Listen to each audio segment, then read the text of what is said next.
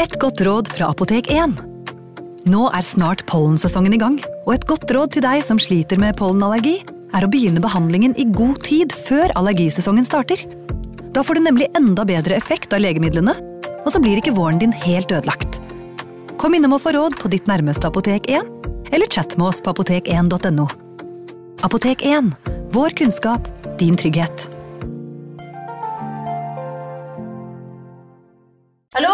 Jeg kommer fra Oslo politikammer. Ine Jansen er purk. Er du purk? The motherfucking bitch. Alt jeg vil, er å finne ut hva som skjedde med mannen min. Jon Carew. Er jeg sikta for noe? Iben Akeli. Det er du. Ole So, Lars Berrum og Big Daddy Karsten. Hvem sin side er du på, egentlig? Anette Hoff, Tone Danielsen, Kommer du fra Afrika? Jørnis Josef, Nesten kløfta. Trond Espen Seim, Det er synd å si det, men det var feil mann som døde. Purk. Premiere tirsdag på TV2 Play. Advarsel. I denne podkasten vil du høre historier basert på informasjon programlederne har funnet selv. Programlederne står ikke nødvendigvis inne for meninger og syn som fremstilles. Noen påstander kan avvike fra virkeligheten.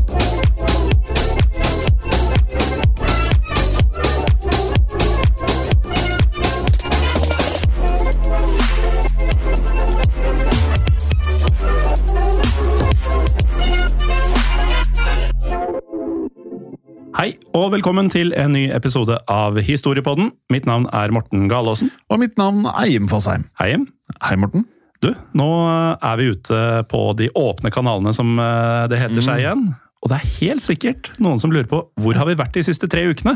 Det, det, det blir vi jo ofte spurt om, så det er like greit å ta det først som sist. Vi er nemlig i appen Untold. Ja. Der er vi hver eneste uke. Uten reklame. Uten reklame, og vi er der også ikke bare med denne podkasten, men med historiepodden WW2. Ja. Og så har jo jeg vært mer med enn ikke med i Gangsterpodden, eh, som også er der inne hver eneste uke. Helt riktig. Og så har vi jo denne Er det seks episoders spesial om Ukrainas turbulente historie? Ja, Og så har vi jo teasa med denne seks episoder spesialen som heter Samlinga av Japan, Oh yes, we have. en periode. Og den som- kommer jo om ikke lenge. Ja, Ja. som vi Eh, pleier å si. Ja, som vi også pleier å si. Og, eller den er jo spilt inn. Mm. Det er et uh, poeng. Og så eh, skal den bare produseres og redigeres litt, og så kommer den inn på Untold. Og det er Første måneden er en gratis eh, prøveperiode, så det er Mm. egentlig bare å, å laste ned appen, teste det ut. Og det er jo ikke bare oss. Du har True Crime-poden, du har Henrettelsespodden og en haug med andre Fryktelig podcaster. mange podkaster der. Og um, man laster den jo da ned, eh, hvis man er uh, Apple-bruker på uh, AppStore, er det det det heter? AppStore uh, på IOS. Ja, og på Android, som er det foretrukne operativsystemet, så er det Google Play Store.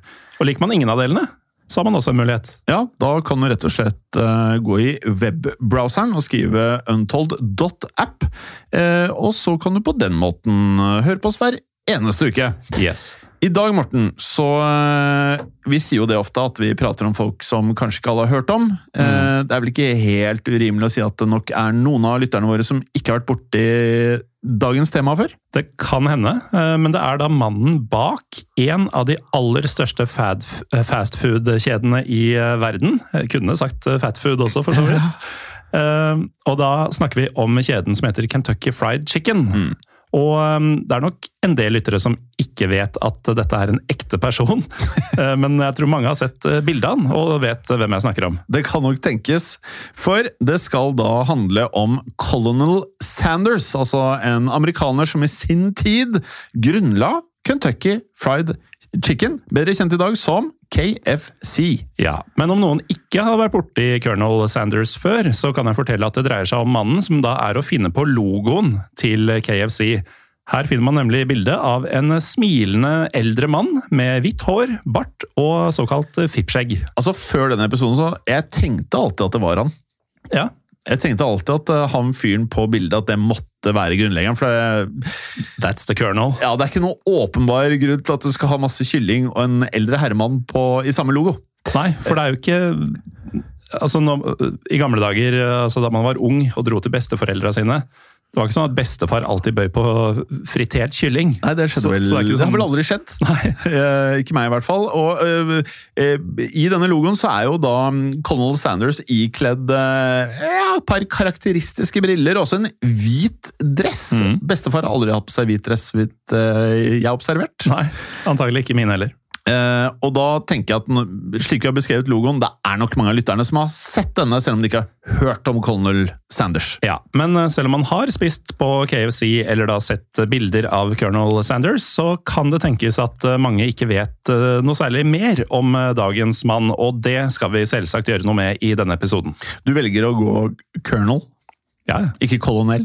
Nei, jeg sier det på engelsk. Ja, ok. Men på norsk går det an å si kolonel? Er det ikke Hva er det det blir eh, slags grad? Vi har ikke det, vært i militæret. Nei, er det oberst? Eh, Jeg tror vi holder oss til Colonel. Ja. Ok, ok. Eh, For det viser seg at da Colonel Sanders eh, var en svært interessant eh, fyr, Morten. Mm. Og i dagens episode så skal vi høre nettopp om eh, hvordan han på et eh, tidspunkt eh, deltok i noe vi ikke har vært en del av, så vidt eh, jeg vet, nemlig en skuddveksling. Ja, Men er du, Eh, er du en colonel og kommer fra Kentucky, Ja, så kan det jo skje. så må det jo skje. Jeg er litt enig. Eh, om hvorfor da han endte opp med å hate KFC. Ja. Men før vi kommer eh, til bunns i disse sakene, så må vi ta oss tilbake til da det hele starta. Og vi eh, tar da turen til den 9. september 1890. Det var datoen da Harlan David Sanders ble født, og um, da ble han født i USA, nemlig i byen Henryville. Ja, Som eh, er å finne i delstaten Indiana. Du har vært mye i USA, Morten. Har vært i Indiana. Det har jeg ikke. Jeg har ikke vært i sørstaten, jeg har ikke vært sånn sentralt i landet. Nei. Det nærmeste jeg kommer å ha vært i Indiana, er å se mange, mange, mange episoder av Parks and Recreation. Ja, veldig som bra. eh, foregår der. Nettopp. ehm, og her var det da slik at han kom eh, til verden som den eldste av tre unger. Og foreldrene hans det var selvfølgelig da Wilbur David Sanders og Margaret Ann Dunlevy. Eh, og hva, etter hva vi kan forstå, så var det da slik at Margaret hun var da av eh, en eh, liten kombo av irsk og nederlandsk avstamning. Så kanskje etternavnet ikke er Dunlevy, men Dunlevy. Dunlevy. Ja. Eh, og når det da gjelder faren Wilbur, så, eh, så det er jo klassisk det i historiepodden at kildene ikke alltid oppgir all informasjonen vi ønsker oss. Vi har ikke klart å 100% finne hvilke land han har eh, avstamning fra. Nei, men eh, når vi har om disse menneskene som har satt sitt preg på historien fra gammelt av, så har de ofte mm, ganske dysfunksjonelle foreldre. Ja. Men kildene forteller at eh, faren til Colonel Sanders, altså denne Wilbur, han var en mild mann som elska barna sine. ja. Og I tillegg så sier kildene at Wilbur han eide en gård på 80 acres, eh, som er et område som tilsvarer halvparten av størrelsen på Disneyland, for de som har vært på det i California. Det er et svært område. Ja, det er veldig svært. Eh, Dessverre så sluttet da Wilbur å arbeide på gården, og grunnen var da at han eh, han skal ha falt og slått seg ganske stygt, og også brukket beinet. Eh, nøyaktig hva som skjedde og når dette uhellet fant sted, det vet vi ikke, men det vi vet er at Wilbur deretter begynte å jobbe som slakter. Ja, trenger ikke å gå noe særlig da. Og mens Wilbur da gjorde dette, altså jobba som slakter, så var det kona Margaret som sto for mye av barneoppdragelsen. Og når det gjelder dette, så skal Margaret ha vært en streng forelder. eh, Da I motsetning til den milde Wilbur. Og ettersom Margaret også var svært kristen, så advarte Margaret barna sine særlig om farene ved alkohol, tobakk, gambling og noe som jeg ikke visste var farlig før nå, plystring på søndager. Ja, ja altså når vi, vi ramler over litt diverse. diverse, men plystring på søndager Hvis noen av lytterne har noen eh, formening om hva det kan være, så jeg tenker nesten at eh, han plystret på damene. Ja, eller om det bare er sånn at eh, på søndager da skal det handle om eh, Altså du skal holde hviledagen hellig, det skal handle om Herren. Ja. Og skal ikke mm, distraheres av eh, musikk av noen form. Jeg veit ikke. Men eh, det, den, den var ny. Ja, den er ny. Uh, uansett da, så var det slik da at eh, familien Sanders eh, de skulle få enda mer tragedie å bekymre seg for. For i 1895 så døde da nemlig faren Wilbur. Og dødsårsaken er eh, ikke spesielt um, enkel for oss å få helt klarhet i, men vi forstår det i hvert fall slik da at Margaret hun måtte deretter forsørge for alle barna helt på egen hånd. Mm. Og Derfor så skaffet hun, uh, skaffet hun seg da en jobb. Og dette her var uh, også noe som jeg ikke hadde hørt om før, uh, men jeg kan forstå um, jobben og hvorfor det blir kalt dette her. Nemlig, hun ble en tomato canne- cannery. Ja, eller hun, hun jobba på et tomato cannery. Ja. Eh, antagelig da som en tomato canner. Ja, altså, for, altså en fabrikk for hermetisering av tomater. Ja, og vi har jo sagt mange ganger i mange episoder at vi liker at ting har beskrivende navn. Altså et tomato cannery, tomatbokseri nesten, det, det skjønner man hva Man skjønner hva som foregår der. Eh, uansett, da Margaret eh, begynte å jobbe, så var det eldstesønnen hennes, eh, Harlan, som måtte ta seg av de yngre søsknene sine, og dermed måtte han annet stå for matlaging. Og innen 1897 så forteller kildene våre derfor at Harlan han hadde blitt en habil kokk.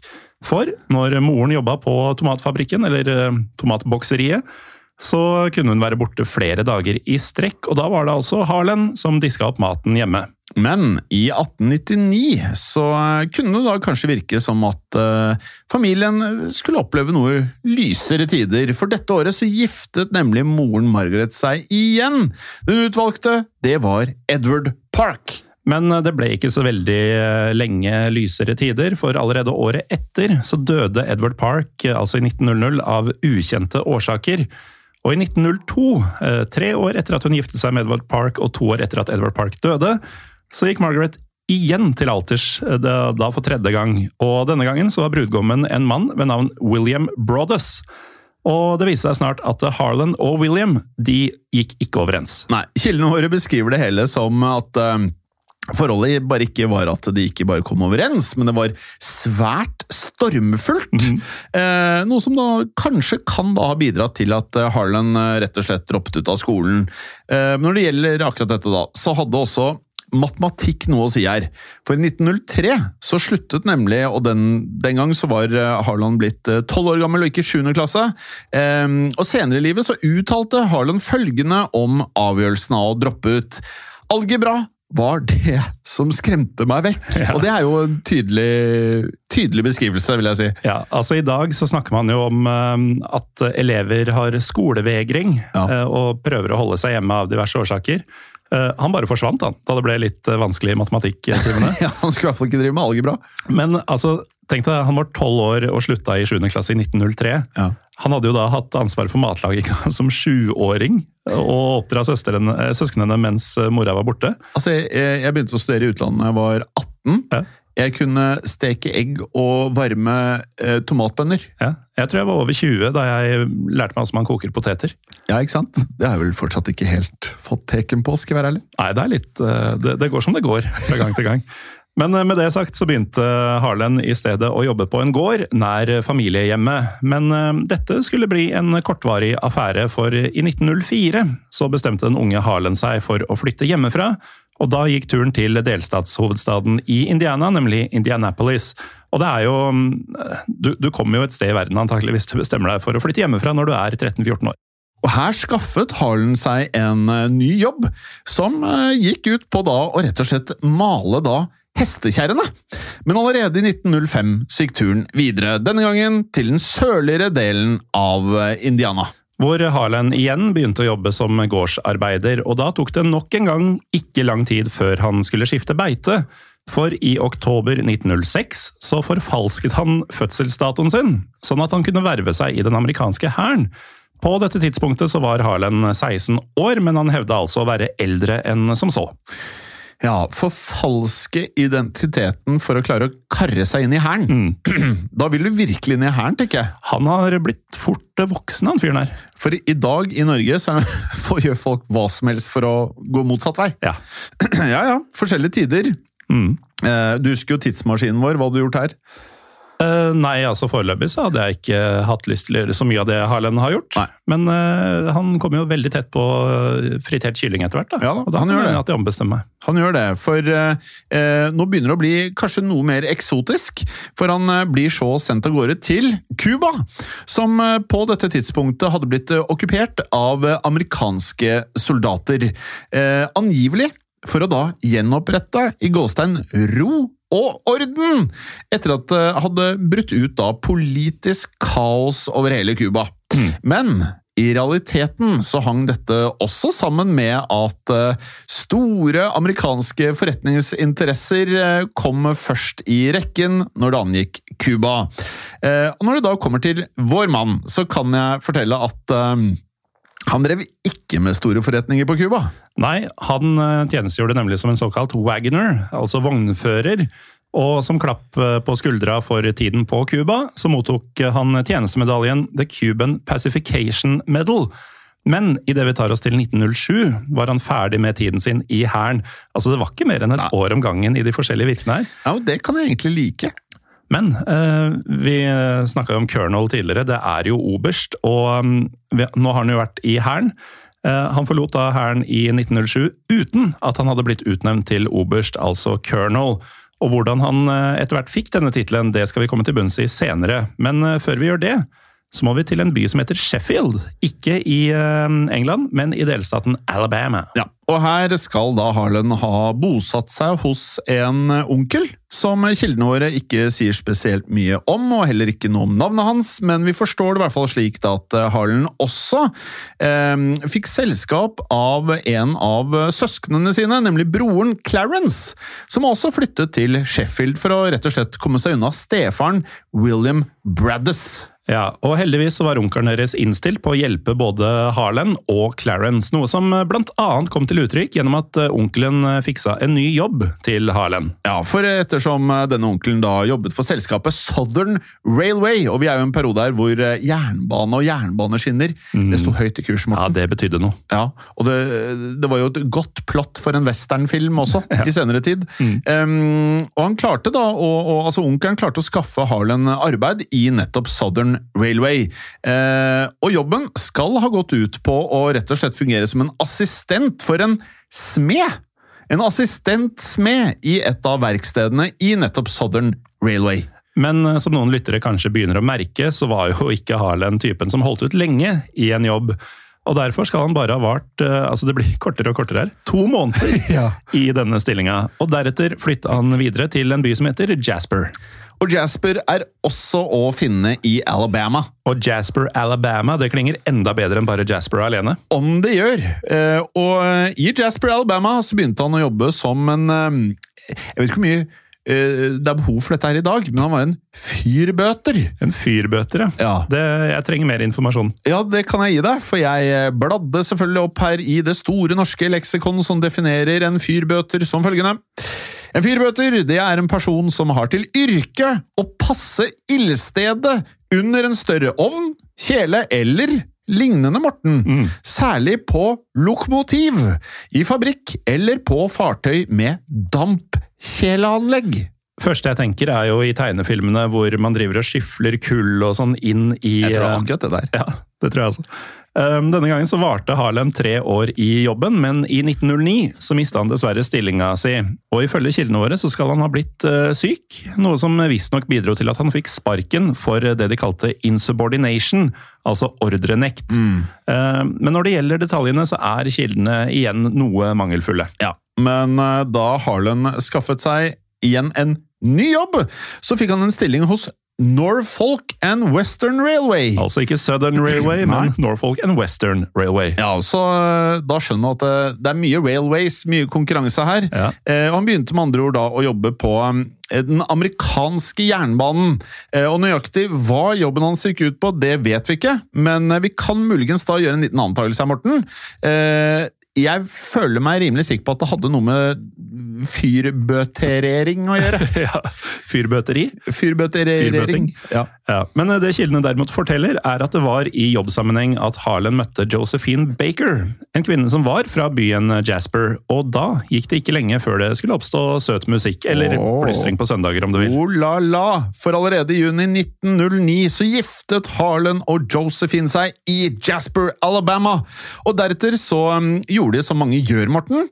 De stiftet en familie. Yes. Og i 1910 så kom da datteren Margaret. Og det er jo et interessant navnevalg, med tanke på at uh, moren til Harlan het Margaret, og var såpass streng. Ja. Men Ja, ja, ja. mm, Men noen eh, er jo fortsatt glad i moren sin, eh, selv om de er strenge. det kan være. Ja, ja. Uansett, 1912 så kom det enda en. Nemlig sønnen Harland jr. Som i 1919 ble etterfulgt av nok en datter. Denne datteren fikk navnet Mildred Marie. Og som familiefar så brukte Harlan årene mellom 1910 og 1920 i kjent stil, for han fortsatte nemlig å flytte rundt mens han var innom flere forskjellige yrker. Men eh, denne gangen så hadde han da familien sin også med på slep. Ja, altså Det høres jo veldig slitsomt ut. Først og fremst, det å skifte her og der. Ja, Det Eh, høres ja. som en evig student som driver og spretter fra leie, altså leieforhold til leieforhold i kollektiv etter kollektiv.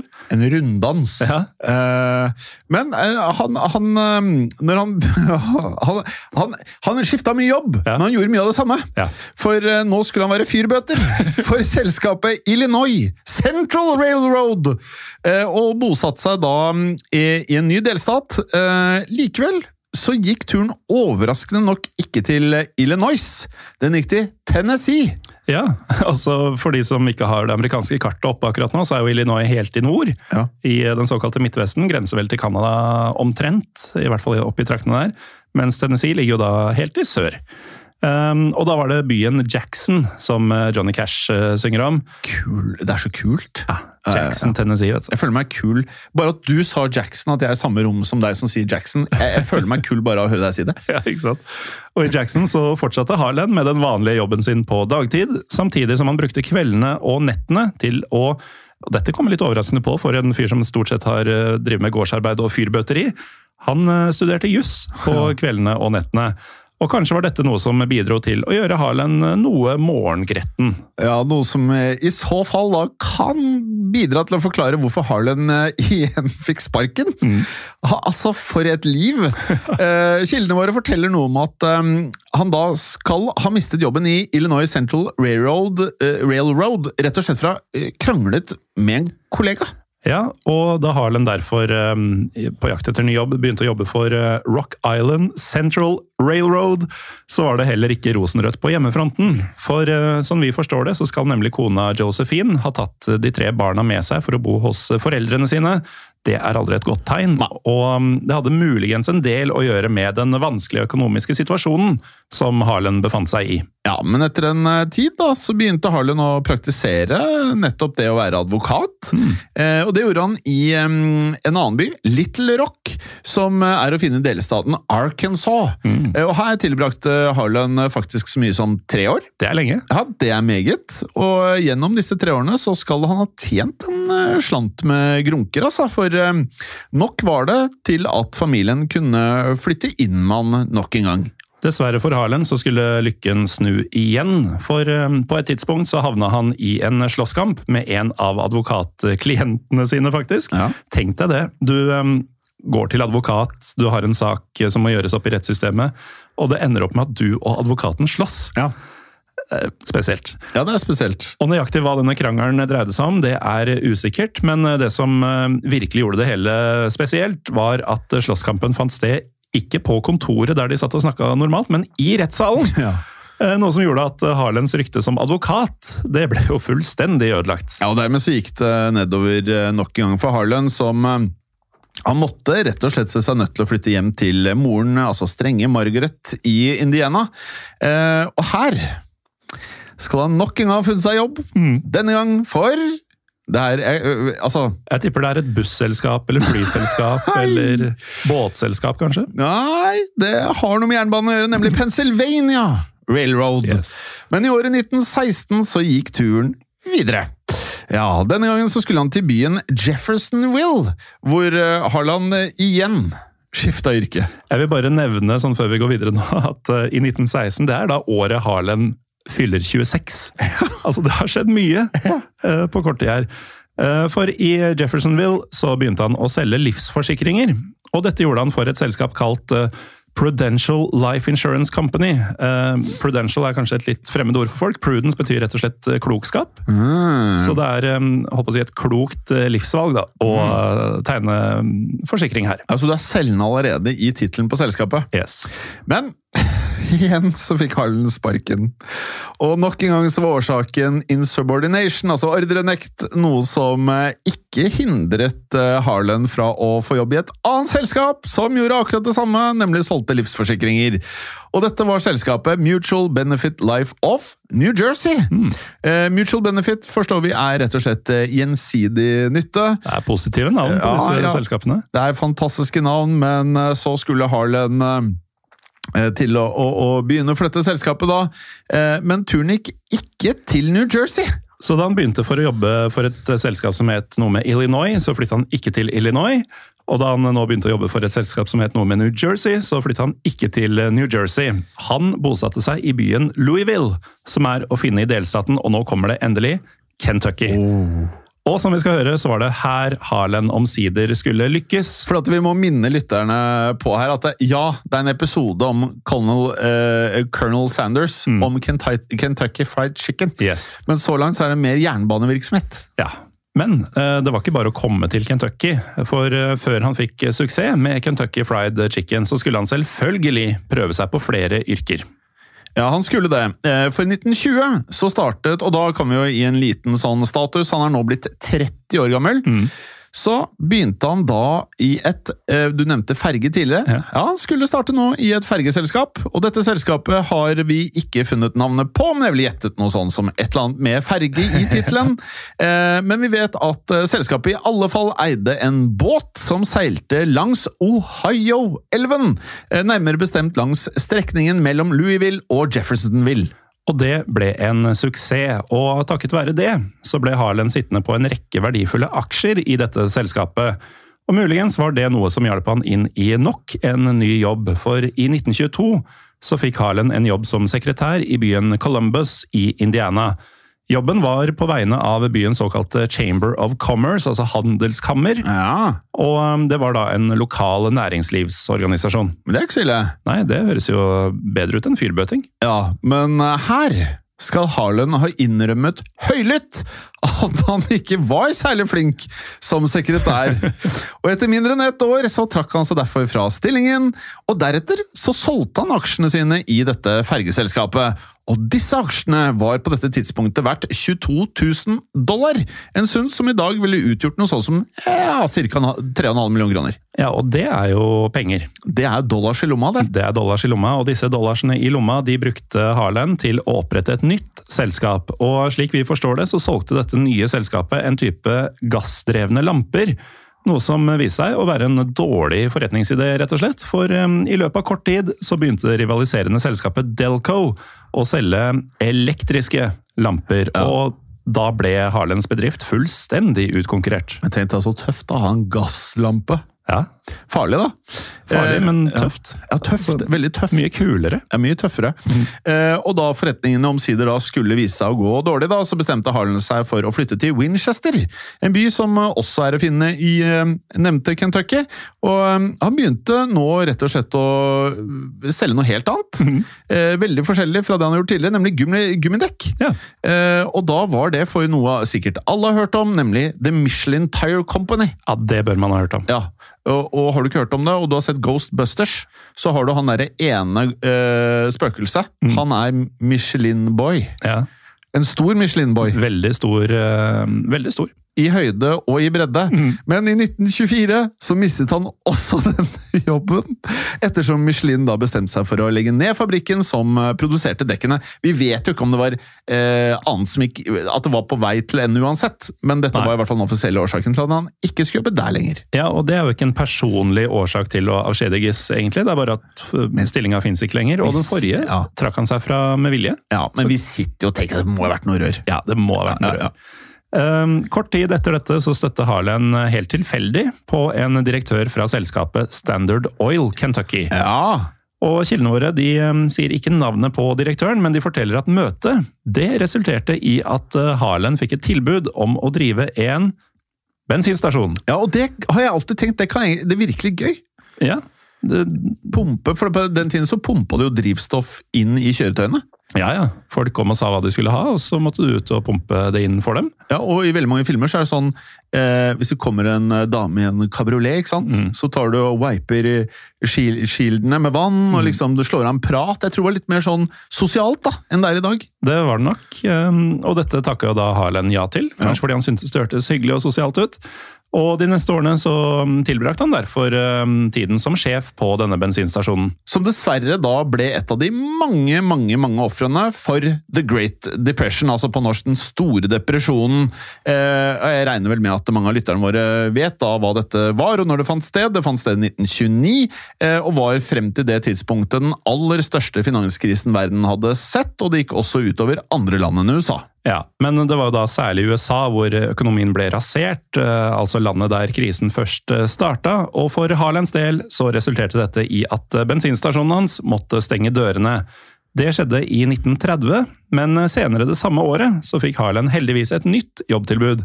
Og han har jo bytta nisje her. altså Han har gått fra Railway Company til Railway Company til å jobbe i en annen bransje. Jobbmuligheten denne gangen kom fra oljeselskapet Shell. Ja, Som ga Harlan eh, sjansen til å drive en eh, bensinstasjon i Kentucky, de også. Denne stasjonen lå i en småby som het Corbin, og her kunne nå Harlan drive stasjonen uten å betale leie til Shell, men i bytte mot at selskapet fikk noen ja, få prosenter av inntekten hans, da. Men det var jo ikke sånn at Harlan eh, forholdt seg til den ene jobben til enhver tid. Det Nei. tror jeg folk har fått med seg nå. Og så han snubla inn i en del andre yrker, som inkluderte noe av det mer overraskende slaget, kanskje. For et av disse yrkene som Harlan ramla borti, det var eh, å være jordmor. Og eh, Vi ble jo litt sjokkert når vi leste dette for første gang. Ja. Det kommer litt ut av ingenting. Det kom litt ut av ingenting, men det var da sånn at det bodde svært få mennesker i Corbyn. Altså, I 2023, nesten 100 år etterpå, så er innbyggertallet ca. 7000, så det må ha vært veldig få tilbake på 30-tallet. Jeg vet ikke om det er 7000, men jeg tror ikke det er veldig mye eh, færre i min blokk. Med 149 leiligheter. Uansett, da, så sier det seg jo selv at det ikke nødvendigvis var mange leger eh, blant disse 7000 som da kunne bistå ved fødsler. Nei, og igjen, det er 7000 i dag. Det var antagelig vesentlig færre den gang. Ja, ja. ja, ja. Eh, og det var ikke nødvendigvis eh, slik at de få legene som, da, som faktisk fantes, alltid var tilgjengelige. Nei. Og av nettopp dette, så var det ikke rent sjeldent at Harlan endte opp med å trå til som jordmor. eh, noe han eh, senere har forklart på følgende måte. Det var ingen andre som kunne gjøre det. Når konene deres ble gravide, så hadde ikke ektemennene råd til å betale for leger. Men med det sagt så brukte Harlan mesteparten av tida til å drifte bensinstasjonen sin, og her gikk Harlan snart i gang med å servere mat. Han starta da med å servere skinke, biff og diverse kyllingretter. Og det gjorde han fra det private kjøkkenet sitt, som var å finne vegg i vegg med bensinstasjonen. Ja, men eh, da han innså at eh, det var svært lukrativt å selge mat, så skulle det ikke ta lang tid før Harlan bestemte seg for å åpne en restaurant. Og nå begynner lytterne å skjønne hvor vi er på vei. Men eh, før han da kunne åpne dørene på restauranten, så måtte Harlan hanskes med en lokal forretningsrival. Og hvordan dette gikk, skal vi høre mye, mye mer om etter en kort pause. Velkommen tilbake. Før pausen nevnte vi at eh, Harlan måtte hanskes med en lokal forretningsrival. Denne episoden gikk faktisk eh, såpass røft for seg at det fikk dødelige konsekvenser for noen av de involverte. Ja, Det hele startet da Harlan eh, bestemte seg for å gjennomføre litt markedsføring. Han sørget nemlig for at det ble malt reklamer for bensinstasjonene bensinstasjonen hans på en rekke låver i lokalområdet. Men dette var noe som irriterte en mann ved navn Matt Stewart. Stewart var nemlig ansvarlig for å drifte en nærliggende bensinstasjon eid av Standard Oil. Og slik eh, Matt Stewart så det, så var Harlands markedsføring i overkant aggressiv. Derfor begynte Stewart å male over reklameskiltene som Harlan hadde malt. Ja, og her man øyner jo trøbbel. Ja. Eh, og da dette skjedde for første gang, så fikk det angivelig en eh, kraftig reaksjon fra Harlan sin side. Og da Harlan da fikk høre at Stewart for andre gang var i ferd med å male over skiltene hans, så tok han affære. Og det kan jeg jo forstå. Jo. Eh, For da Harland, Harland fikk nyheten, så dro han umiddelbart for å konfrontere Stuart. Og dette gjorde Harland visstnok da sammen med to høytstående eh, andre Shell-ansatte. Ja, og resultatet det ble da en skuddveksling med fatale konsekvenser. For da Altså, dette handler om å male over vegger. Ja. For da konfrontasjonen fant sted, så skal Stuart ha lagt vekk malerkosten sin, og i stedet funnet fram en pistol. Det er så hardt. Det er ganske Det eskalerte fort, Ja. som man sier i Anchorman. Eh, og denne pistolen brukte da Stuart til å skyte den ene av de to Shell-ansatte. Mannen som ble skutt, het Robert Gibson, og um, ifølge kildene våre så døde Gibson senere av skadene sine. Ja, Men eh, da Stuart begynte å skyte, så viste det seg at Harlan eh, han, han hadde med sin egen pistol. Ja, og Derfor så svarte Harlan med å skyte tilbake, og da klarte Harlan å såre Stuart i den ene skulderen. Med det sagt så endte det hele med at Stuart han ble pågrepet og dømt for drap. Og Stuart fikk da 18 års fengsel som straff, men til tross for at Harlan først ble tiltalt for drapsforsøk, så ble anklagene mot han raskt droppa, og hadde det ikke vært for det, så ville nok Kentucky Fried Chicken aldri sett dagens lys. Ja, for i stedet så sto jo da eh, nå som en eh, fri mann, han, til å fortsette forretningene sine uten lokal konkurranse, og det var jo sikkert ikke feil. Mm.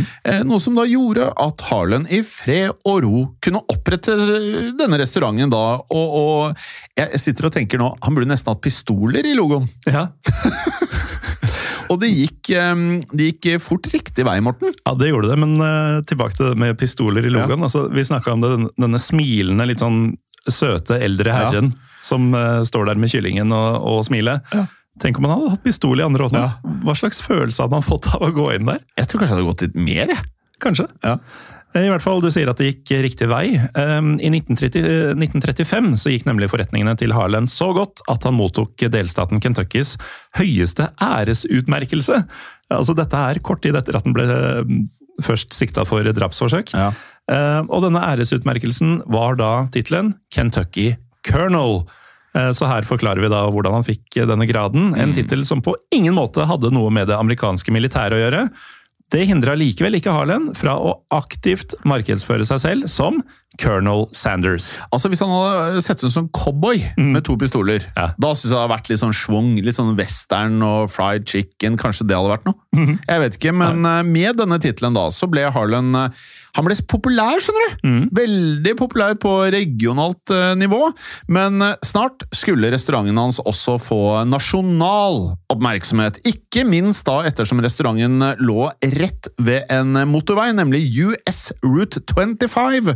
Ja, I 1939 ble derfor restauranten besøkt av matkritikeren Duncan Hines, som inkluderte den på en guide til amerikanske restauranter, kalt Adventures in Good Eating, altså eventyr innen god mat, eller god eting. Eh, Hines valgte da å beskrive restauranten til Harlan slik.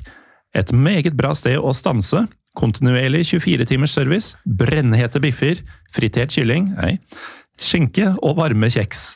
Åh, jeg merker jeg blir sulten, jeg. Ja, altså vi sitter her og spiller inn, nå er det en fredag ettermiddag. Og jeg merker at en bøtte med fritert kylling eh, på sofaen i kveld, det hadde ikke vært å forakte, Og oppå litt sånne eh, vafler. Ja. Varme sånne belgiske vafler. for eksempel. Åh, Men i november 1939 så brant Harlands restaurant dessverre ned. og Derfor så måtte Harland få restauranten gjenoppbygd, selvfølgelig. Og da den nye restauranten sto klar, så fungerte den både som et motell og også som en restaurant. Ehm, vi forstår i hvert fall slik at den nye restauranten nådde plass til 140 gjester, og det er jo en del. Det er jo en del. Ja, og det var nå slik da at Harland han perfeksjonerte sitt såkalte secret recipe. Ja, og vi må bare spole litt tilbake her og huske at dette var en fyr som lagde mat til hele søskenflokken eh, i seks-sjuårsalderen. Ja. Så han er ikke ny på kjøkkenet her. Neida. Denne secret recipe var da en oppskrift på hvordan fritere kylling i en trykkoker som friterte kyllingen raskere enn i en stekepanne. Og denne oppskriften den skal Harlan ha produsert innen juli 1940. Da var han faktisk rukket å bli 50 år. Men som eh, lytterne vet, så eh, hadde jo da annen verdenskrig nå akkurat brutt ut. Og eh, da USA gikk inn i verdenskrigen, nemlig i 1941, så ble resultatet at landet da begynte å mm, rasjonere på bensinen. Og når du da driver en bensinstasjon slash restaurant langs en motorvei, så er det dårlig nytt. Ja, for det som skjedde var jo at eh, turismen den gikk jo voldsomt ned langs US Route 25. I den første delen av 1942 så valgte Harlem derfor å flytte til Seattle i delstaten Washington, og jeg tror nesten ikke du får et større kulturskifte i eh, fastlands-USA av å flytte fra sørstatene til Seattle. Nei, kanskje ikke. Um, I hvert fall Senere i løpet av dette året så reiste han så videre til eh, Tennessee, og her begynte han å jobbe som assisterende kafémanager i byen Oak Ridge.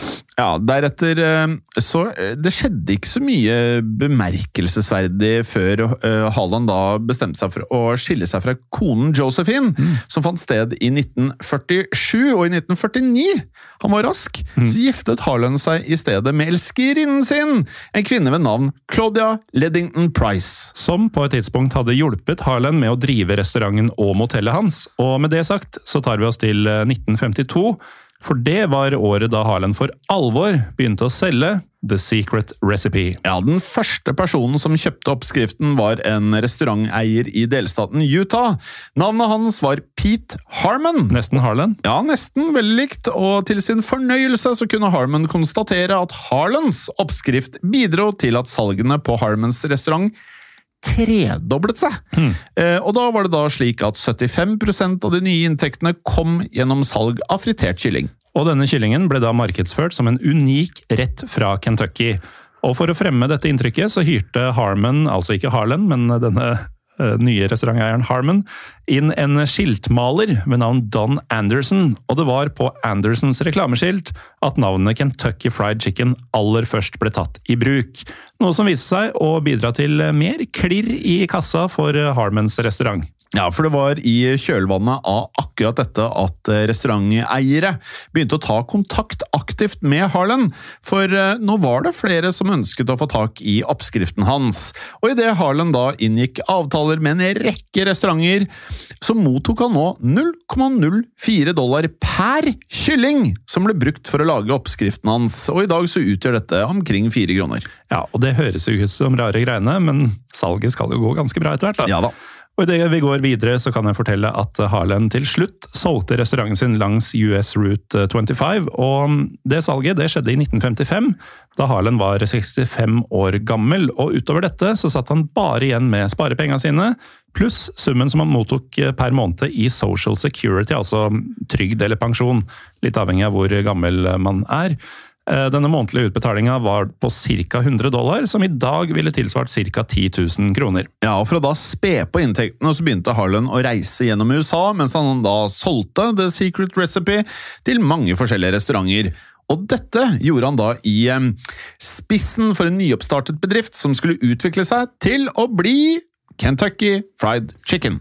Og slik vi forstår det, så skal Harlan ofte ha sovet i bilen sin han, mens han reiste rundt. Og um, I tillegg så tilbydde han seg å lage den friterte kyllingen sin på flere av de mange restaurantene som han besøkte.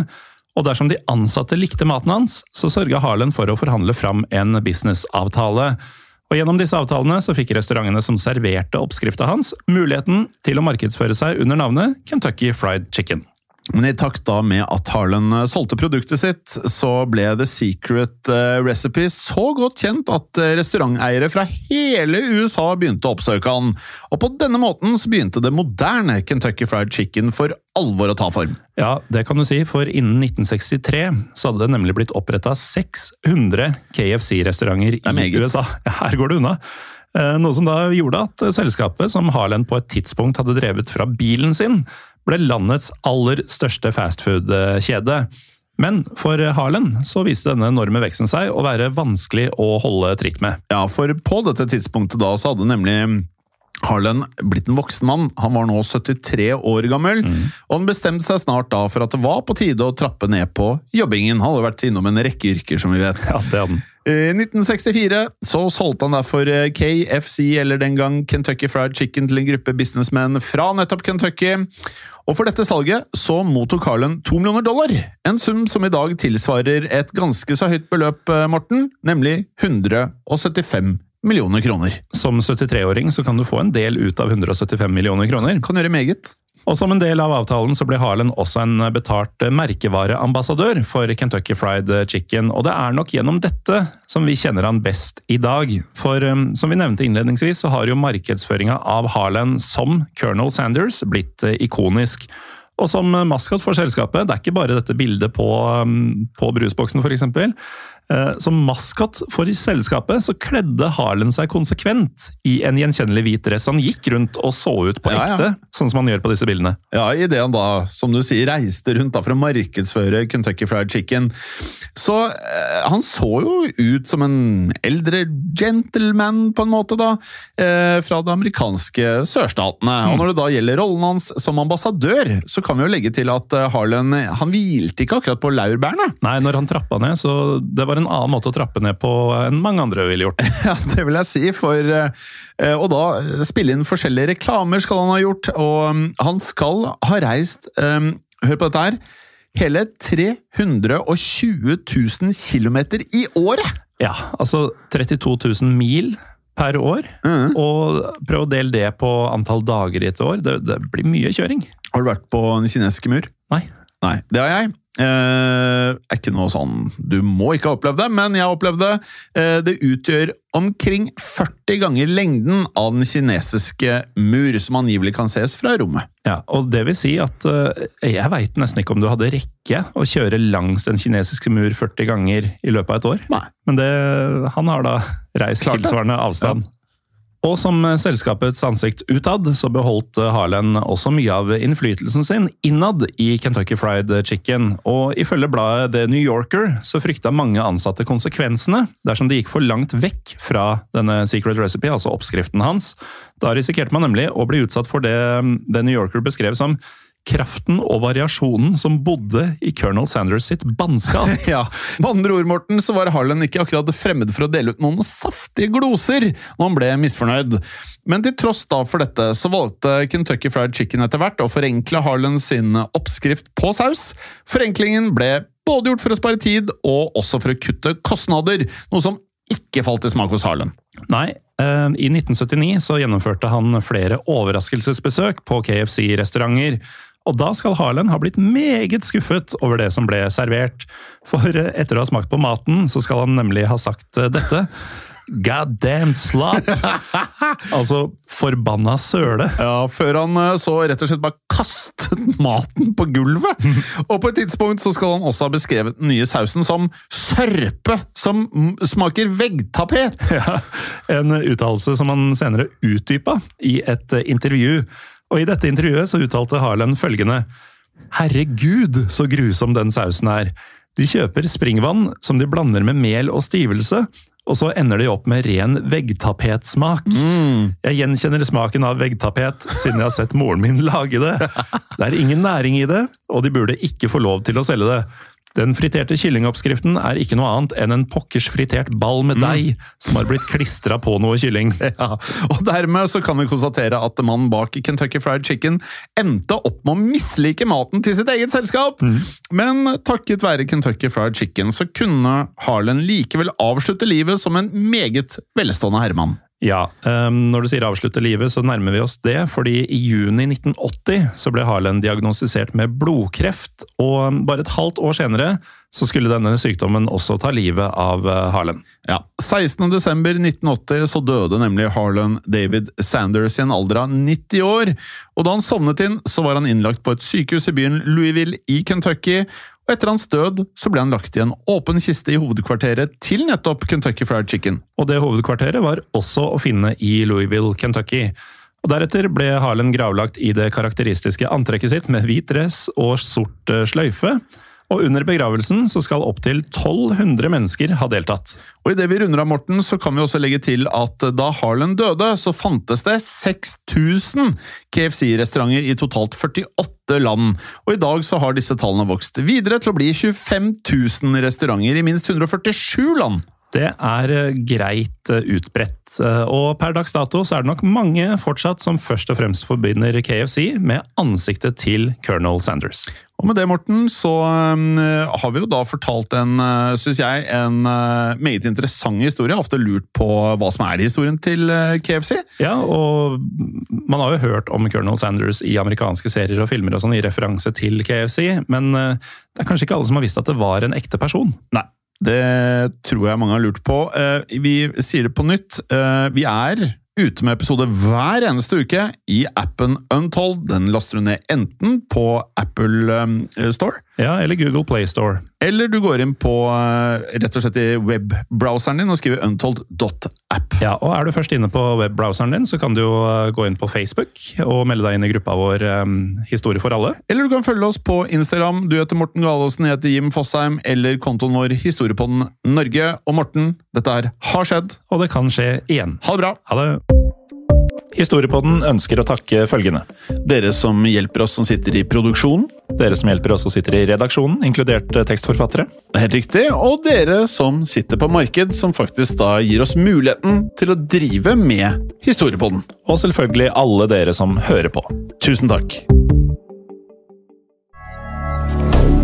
Moderne media. Har du et enkeltpersonforetak eller en liten bedrift? Da er du sikkert lei av å høre meg snakke om hvor enkelt det er med kvitteringer og bilag i fiken, så vi eh, gir oss her, vi. Fordi vi liker enkelt. Fiken superenkelt regnskap. Hei, og takk for at du lytter til Historiepodden. Skulle du ønske at du kunne høre en ny episode av Historiepodden hver eneste uke? Vel, da er det én ting å gjøre. Da kan du laste ned podkastappen Untold med det samme. For i tillegg til ukentlige episoder av podkaster som Historiepodden andre verdenskrig, Henrettelsespodden og også Gangsterpodden, så får du masse annet reklamefritt og også eksklusivt innhold. Last ned Untold i AppStore eller Google Play og start din 30 dagers gratis prøveperiode allerede i dag.